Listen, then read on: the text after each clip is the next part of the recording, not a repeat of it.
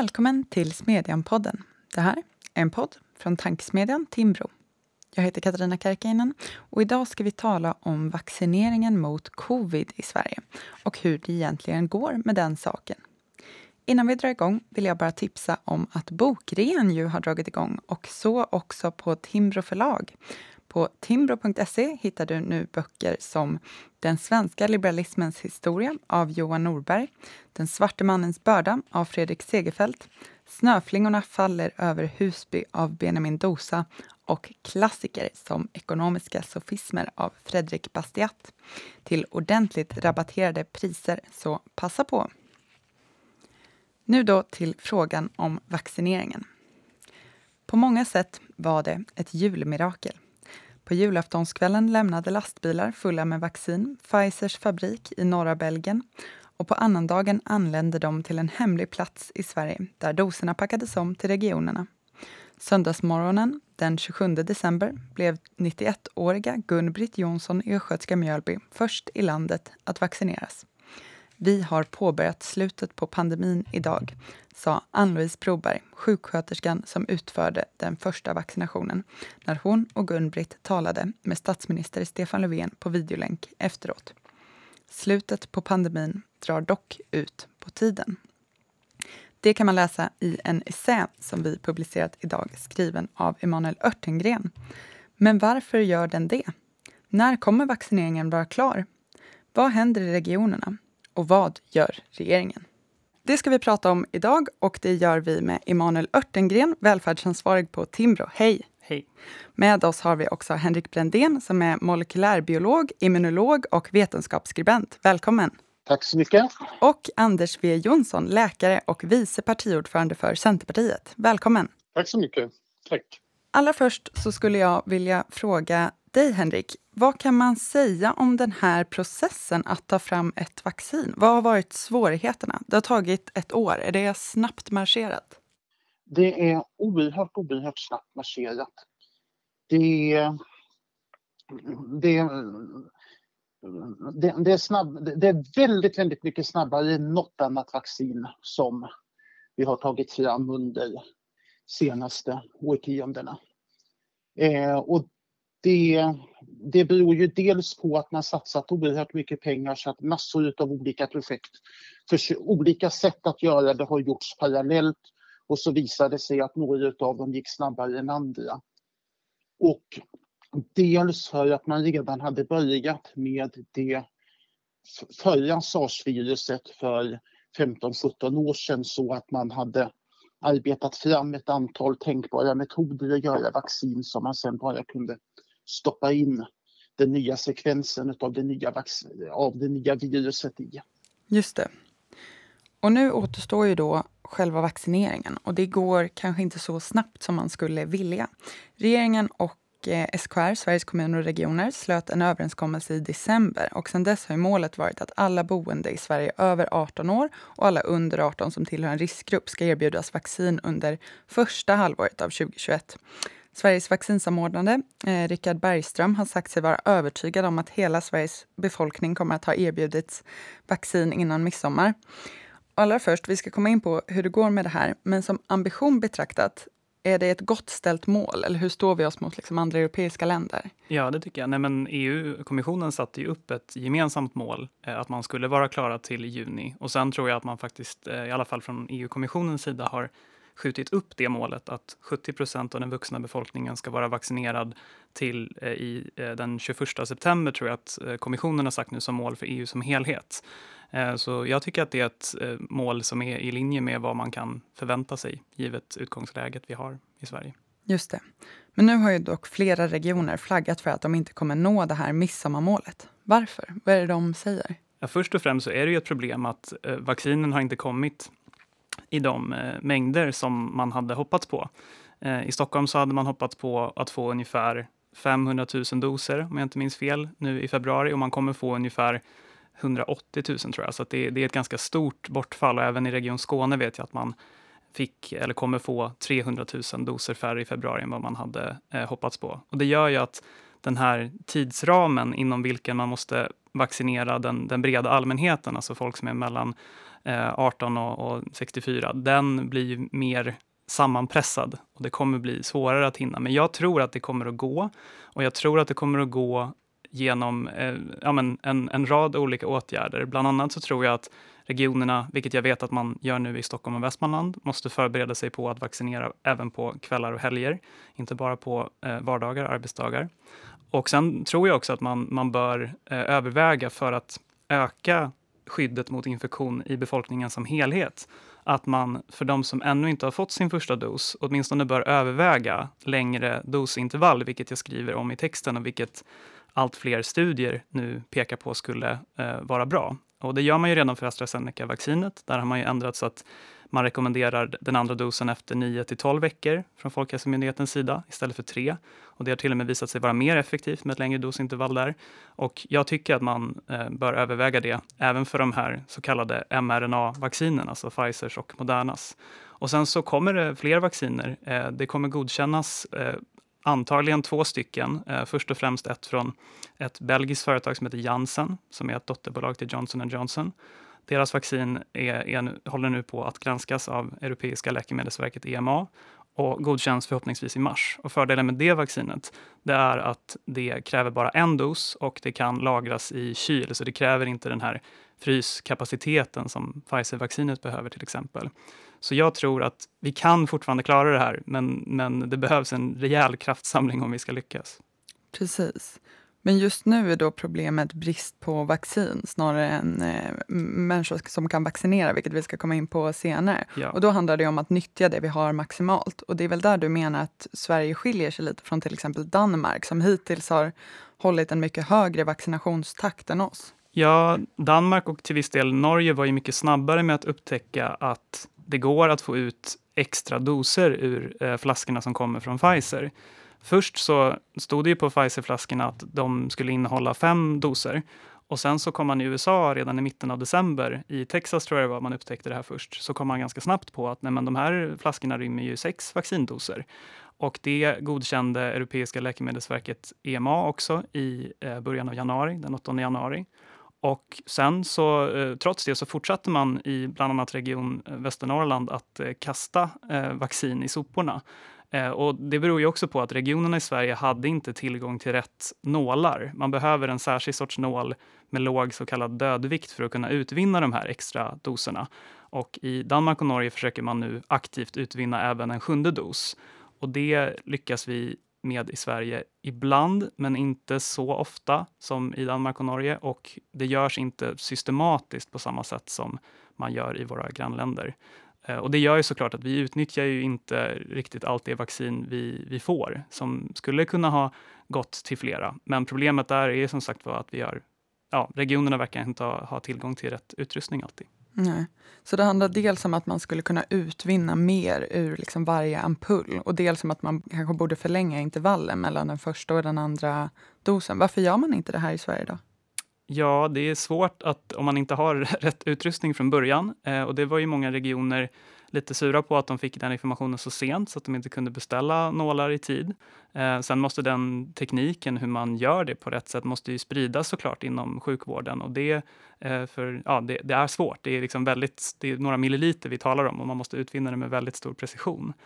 Eh, och sen vad gäller det här med att förlängda dosintervall, där Ja, det, det är upp till, till Folkhälsomyndigheten att utfärda rekommendationer och sen till regionerna att ta till sig av det. Och jag vet att Sörmland har ju förlängt dosintervallen för AstraZeneca eh, och jag tror att fler regioner har börjat följa efter där också.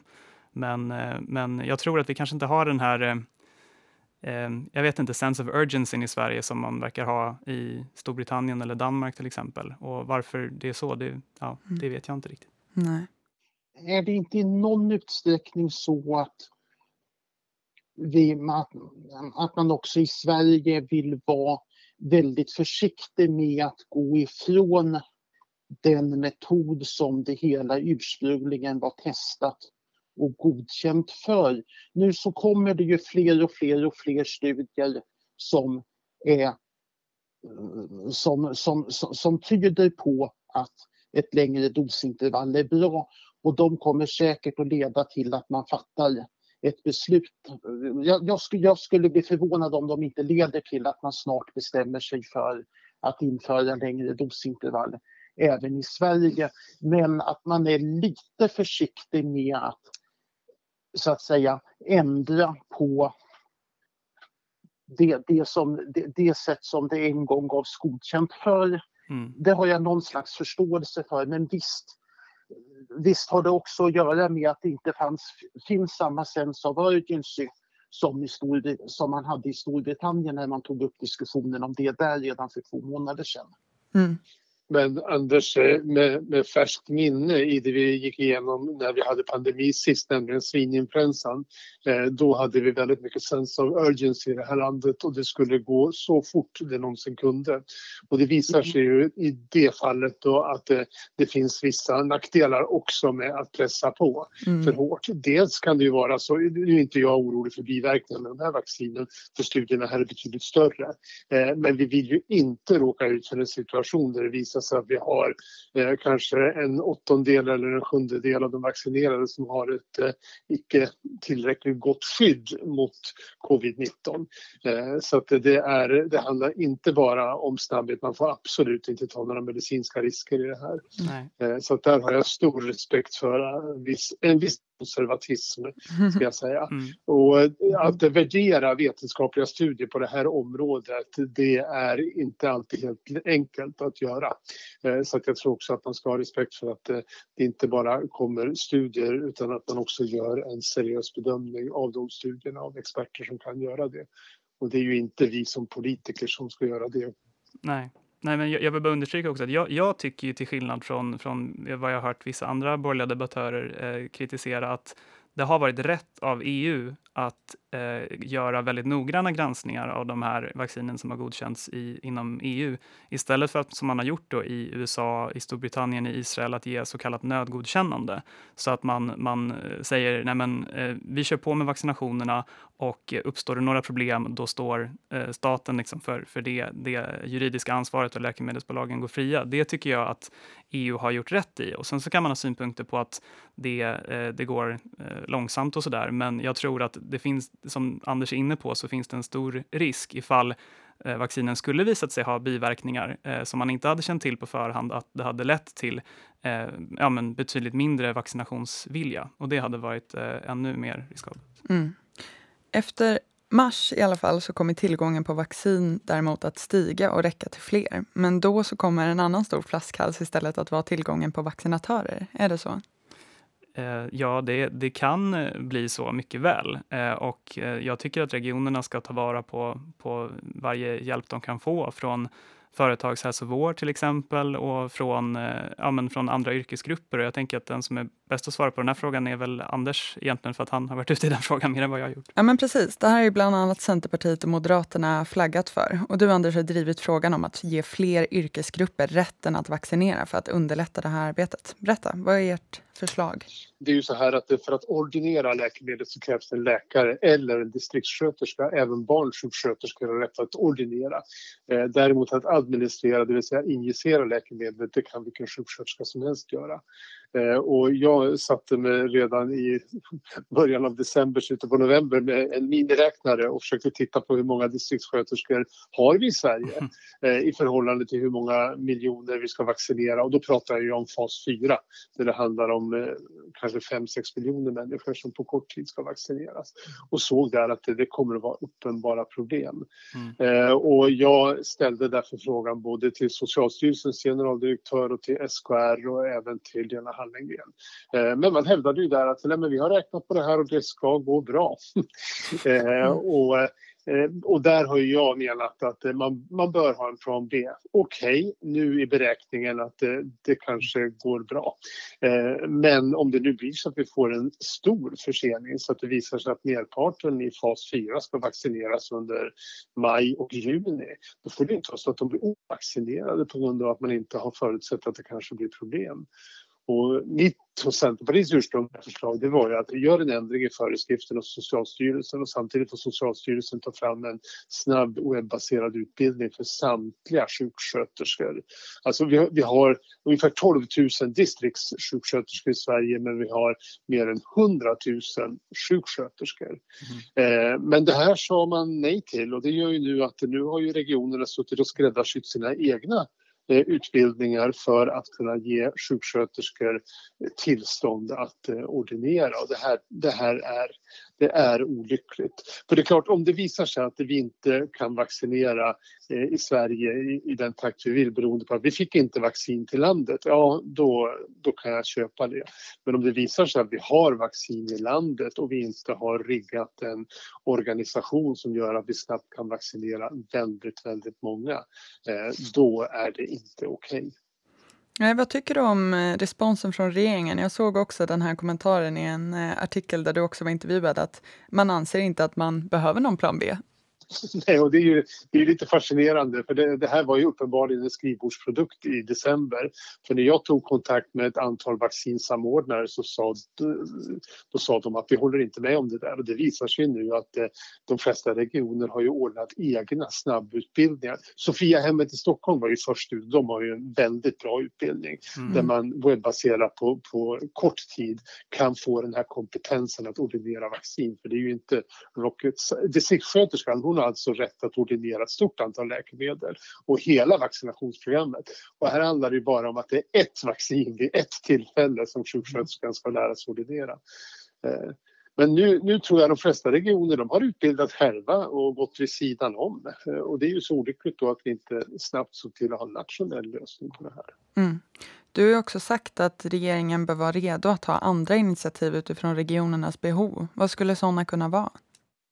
Nej, men, eh, det handlar ju framförallt så kommer ju flaskhalsen att vara or ordinatörer men det kan ju också visa sig att eh, vi behöver ha en dispens vad gäller vilka har rätt att injicera. Eh, sen har jag också pekat på att det finns ju andra yrkesgrupper man också skulle kunna plocka in. Det är ju både tandläkare, det är farmaceuter som man skulle kunna eh, snabbt ge en behörighet. Det är lite mer komplicerat. Eh, så att där borde regeringen vara snabbt på tå och kunna se vad behöver vi göra. Sen har det ju också varit uppenbara problem vad gäller informationskampanjen. Eh, det var något som regeringen skulle sköta eller staten skulle sköta och det är först nu som det börjar komma igång eh, hade ju också det här eh, problemen med att vi inte fick ordning på det nationella vaccinationsregistret förrän i början på januari och nätt och jämnt det. Det var ju ytterligare ett problem i det här. Eh, så det finns ett antal saker som det borde vara mycket, mycket enklare att lösa på nationell nivå och sen erbjuda paketet till, till regionerna. Ja, och det sista då man ska lämna ytterligare ett, det är ju det här med prioriteringsordningen där vi nu snart mm. har, ska jag säga, 21 olika tolkningar på hur man ska tolka prioriteringsordningen och det är ju ytterst olyckligt. Just det. Vad har vi för tidsramar att förhålla oss till? Då? Det här beslutet som du var inne på, Emanuel, om att nyttja ampullerna bättre borde ju rimligtvis komma till nu då, om det ska komma till alls, när det är brist fortfarande. Men sen mm. till exempel att låta fler vaccinera. Det är i mars det skulle behöva komma Nej, till då det eventuellt. Skulle, det skulle behövas, eller det skulle ha behövts i december eh, för att regionerna då, som Anders är inne på, så att det hade kunnat tas fram snabbutbildningar. Mm. För att regionerna är redan i full gång med att rekrytera personal till massvaccineringen. Så att det här beslutet borde ha fattats igår. Mm. Men finns det någonting som nu tyder på att regeringen överväger det här förslaget, eller de andra som varit inne på, för att liksom snabba på vaccineringen? Vad vet vi? Det vet nog Anders bättre än jag. Ja, nej, men det är så här att eh, regionerna när de upptäckte att det inte kom någon hjälp ifrån eh, staten, då riggade man ju det här själva. Mm. Och de större regionerna har tagit fram egna webbaserade utbildningar och småregionerna har fått eh, åka snålskjuts på de stora regionerna. Mm. Eh, så att det här problemet som jag pekade på i december, jag tror att de flesta regioner har löst det på ett eller annat sätt. Därför att eh, jag som verksamhetschef kan ju besluta att en sjuksköterska har rätten att ordinera ett visst läkemedel givet att jag vet att hon har rätt kunskap. Och när nu regionerna snabbt plockade fram utbildningar, men då menar jag att det hade varit enklare att gjort det i december. Eh, så det är ett antal saker som om man ligger steget före så blir det så mycket enklare men det har som inte varit mottot riktigt för regeringen i hanteringen av vare sig vaccinationer eller pandemi. Mm. En sak som många oroar sig över nu, Henrik, är ju hur effektiva de här olika varianterna av vaccinet kommer vara mot nya mutationer. Vad vet vi om det? Och går det liksom att uppdatera vaccinet för mutationer eller måste man börja om från början med ett helt nytt vaccin då eventuellt? Hur, hur går det till? Eh, det är ju två frågor. Den ena är hur, eh, hur effektiva är vacciner mot de nya muterade varianterna? Det vet vi inte. Immunförsvaret har ju, immuniteten har ju tre grenar med tre, som engagerar tre olika, ska man kalla det för vapenslag i immunförsvaret. Och ett problem vi har är att ett av de där vapenslagen är jättelätt att studera hur effektivt immuniteten är. Och de två andra är jättesvåra att studera och det finns dessutom skäl att tro att de här muterade, förändrade varianterna av viruset eh, att de olika delarna av immunförsvaret är olika bra på att ge immunitet även mot de här förändrade stammarna. Det som är lätt att studera antikroppar, där ser, har man sett för den, brittis, den så kallade brittiska varianten av viruset att eh, den immunitet man får av vaccin av det gamla viruset funkar ungefär lika bra, inte riktigt lika bra men nästan lika bra på antikroppssidan. Däremot det sydafrikanska viruset, där ser man att antikroppsimmuniteten både från vaccin och från att ha haft det gamla viruset eh, är, ordentligt nedsatt. Hur det är på T-cellsidan i immunförsvaret, det vet vi inte och det kommer att ta tid innan vi vet. Det finns skäl att tro att det kommer att vara lite bättre. Men det finns också skäl att misstänka att det inte kommer att vara lika bra. Så att det, det finns goda skäl att frukta att vaccinet inte kommer att skydda oss lika bra mot den sydafrikanska varianten av viruset och mot andra nya varianter av viruset som med tiden dyker upp. Inte minst eftersom just det faktum att vi vaccinerar gör ju att vi ändrar så att säga landskapet för, Eh, för evolutionen av viruset. Så länge de allra flesta människor inte är vaccinerade, inte är immuna, då spelar det ju ingen roll hur viruset ser ut. Men om de allra flesta människor är vaccinerade så att vi har ett jättebra immunförsvar mot en viss variant av viruset, då kommer ju de varianter av viruset som ser annorlunda ut så att de springer förbi delar av den immuniteten, de kommer ju i så fall att gynnas. Så det, det, är nog rätt sannolikt att vi kommer att få se nya varianter av viruset som de här vaccinerna inte tar så himla bra mot. Men lyckligtvis så är det här den teknik man använder för att göra de här nya moderna virusen, både AstraZeneca-variantens vektorbaserade vaccin och Pfizers, Modernas och andras mRNA-vaccin väldigt lätta att anpassa.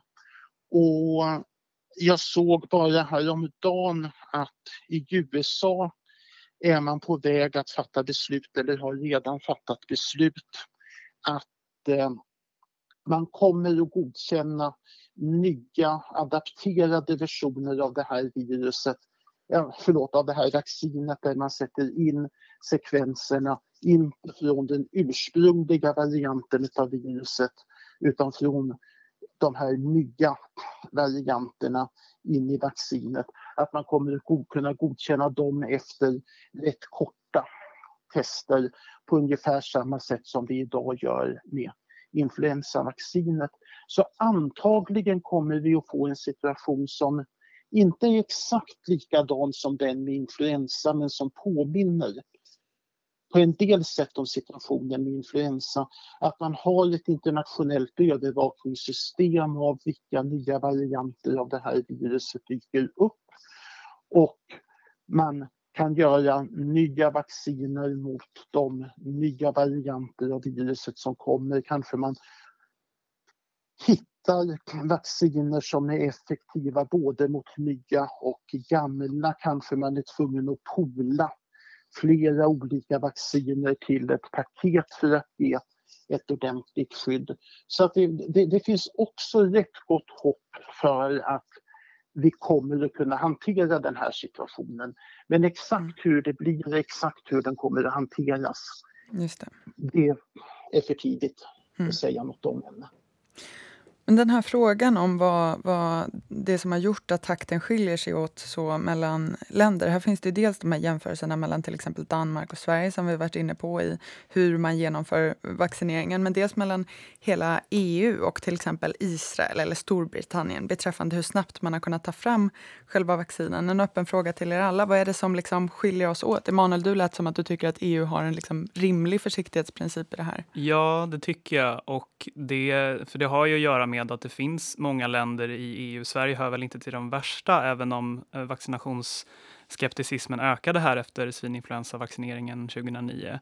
Eh, men i Frankrike till exempel, så de opinionsundersökningar jag har sett därifrån, så är det bara runt 40 procent som vill vaccinera sig. Och det är inte tillräckligt för att vi ska nå flockimmunitet.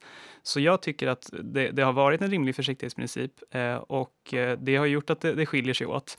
Ehm, sen, sen är det ju också en fråga om att det verkar som att, att EU-kommissionen har faktiskt varit sämre på att skriva kontrakt med eh, AstraZeneca till exempel. Och det har ju även varma eh, e EU-vänner som, som den belgiske liberalen Guy Verhofstadt har skrivit ett intressant blogginlägg om det här, där han jämför de här kontrakten. Där det brittiska kontraktet mycket tydligare specificerade när ska vaccinen levereras, vad händer om de inte gör det, vad blir konsekvenserna för tillverkarna då? Medan eh, det, det, europeiska eh, kontraktet i princip bara säger att eh, ja, AstraZeneca ska göra sina best efforts. Um, så det, det, är ju en, en, fråga också. Och sen är en sista fråga vad gäller liksom hur man har gjort själva upphandlingen, det är ju att eh, e EU-kommissionen var ju väldigt bra på att få ett lågt pris per dos. Man var väldigt tuffa förhandlare, så på det sättet så var det bra. Men eh, om man jämför det med hur mycket det kostar för samhället att ha nedstängt och det är ju mer nedstängt i andra delar av Europa än vad det är i Sverige. Men eh, det kostar mycket ändå. Eh, och här, och om man jämför med eh, liksom all alla saker vi skulle kunna göra. Alltifrån att eh, kanske va, gå på restauranger utan de restriktioner som omgärdar dem idag till exempel, eh, till att gå på teater eller bio eller träffa släktingar och så. Så, så tycker jag att det var kanske lite snålt. Eh, man kanske kunde ha betalat mer givet att alternativkostnaden är så, så hög. Men det är såklart saker som är lite lätta att, att, att säga i efterhand. Men när man läser de här brittiska och kontraktet jämte EU-kontraktet så blir det tydligt att Storbritannien fick, om inte en bättre deal sett till kostnad så i alla fall till eh, kontroll och eh, efterlevnad av kontraktet. jag tror att det, det, är lite svårt att jämföra. Eh, Storbritannien körde ju dessutom ett väldigt snabbt godkännande och jag tror som sagt inte att man ska gena i de kurvorna. Eh, Israel, de eh, la ju alla äggen i en korg kan man säga mm. och det visade sig vara rätt korg och därför ligger de väldigt långt framme. Och dessutom en hög vaccinationsbenägenhet i det israeliska folket. Man är mm. beredd att göra vad man kan för att skydda sig mot eh, faror i det landet av mm. förklarliga skäl. Eh, men hade det visat sig att Pfizers vaccin hade misslyckats och inte gått att använda ja, då hade det nog varit en hel del kritik internt i Jerusalem gentemot Netanyahu. Mm. På noten av alternativkostnader, i den här essän som vi har publicerat på Smedjan så skriver du, Emanuel, att eh, att låta vaccinationspessimism få fäste vore ett ödesdigert misstag. Varför? Ja, jag vill också jag vill bara vara tydlig med att jag med vaccinationspessimism så menar jag då alltså pessimism kring själva vaccinationen, inte den här skepticismen om att man, man vill ta ja, vaccinet eller inte. Men, men jag, jag, jag tycker att vi eh, Nej, men vi, vi, vi borde verkligen, alltså både regering och regionerna, nu har det varit en hel del fingerpekande de senaste dagarna, som eh, när Anders Ygeman eh, digitaliserings och energiministern, det är inte ens hans område, men han gick in och, i Ekots lördagsintervju i Sveriges Radio och fick för sig att han skulle kritisera eh, Region Stockholm som är borgerligt styrt då. Eh, och sen så höll det borgerliga styret i Stockholm på att bråka tillbaka och sådär. Det, det, är liksom fel eh, approach och fel attityd just nu, utan nu tycker jag att det, det är verkligen hög tid att, eh, att regeringen och regionerna liksom samspelar eh, bättre än, än vad man har gjort de senaste veckorna i alla fall. Och att vi skickar signalen att nej så här, kommer vaccinen så ska vi klara det här, eh, kosta vad det kosta vill, för det är mycket billigare att, eh, med en dyr vaccination än att låta hela samhället vara, vara någorlunda nedstängt så pass eh, länge till. Och det är det man gör då i Danmark till exempel, att idag kommer man med besked i Danmark om vilka delar man kan gradvis återöppna. Eh, och, och, de har ju varit mer nedstängt än Sverige ska sägas, men, men i alla fall. Eh, och de har också eh, planer på att vaccinera 7% av sin befolkning om dagen. Det är ju väldigt högt ställda mål eh, och dessutom har de beställt in 10 miljoner snabbtester så att de i områden med lägre smitta då kan öppna upp vissa saker. Samma sak med Storbritannien kom ju också nu med en, en återöppningsplan häromdagen och man fick besked om 12 april kommer man kunna gå till frisören eller vad det var till exempel. Um, så jag, jag, tycker att det, det, det, ger, att ha det här målet och, och att ha det högt ställt och, och inte ge upp på det om man inte måste det ger en, en färdriktning. Eh, och, eh, ja, och sen får man ju justera såklart ifall leveranserna inte kommer. Men jag, jag tycker att det, det, vi ska inte släppa det här målet om att vaccinera befolkningen till halvårsskiftet riktigt än. Nej, precis, det där är som en annan fråga. Vad är det för slags eh, värld som väntar eh, just i Sverige när vi kommer längre med vaccineringen? Och har regeringen liksom gett några indikationer på besked om det? I Danmark och Storbritannien till exempel, som du eh, nämner, så har man ju varit väldigt tydlig med hur och när samhället kommer öppnas upp och säger att man vill inte hålla, hålla stängt en dag längre än, än nödvändigt och bland annat eh, presenterat den här planen då i Danmark med eh, återöppning med hjälp av snabbtester. Det är liksom I flera länder har det varit väldigt tydligt vad som kommer göras vid mm. respektive scenario. Mm. Ja, nej men det, det verkar vara den skillnaden att i Ja, det, fin det finns en, en, en, idé i alla fall om eh, när och hur man, man öppnar upp och så. Och i Sverige så är mitt intryck att vi, dels så går vi i andra riktningen just nu. Efter ett helt år så börjar vi närma oss liksom mer, mer nedstängning eh, och, och sådana åtgärder. Eh, och sen finns det ingen motsvarande tanke på ja, men, hur, hur lär vi oss att leva med det här på längre sikt? Eh, och det, det är en fråga som, som kanske Henrik är bäst lämpad att svara på, för det, det är bortom min kompetens. Men sen är det också det att nu när vi har en vaccinationsplanering då kan man också börja se när kommer det här med all sannolikhet att vara Eh, slut eller hanterbart i alla fall. Eh, men om vi går tillbaka i tiden så var vi nog många som i augusti-september tänkte att nu är ju det här, nu är vi på den säkra sidan. Nu ska vi planera för att återöppna Sverige och nystart och få igång ekonomin och så vidare. Eh, så att jag tror att man ska ha en viss ödmjukhet också inför att mm. förutspå hur det ser ut.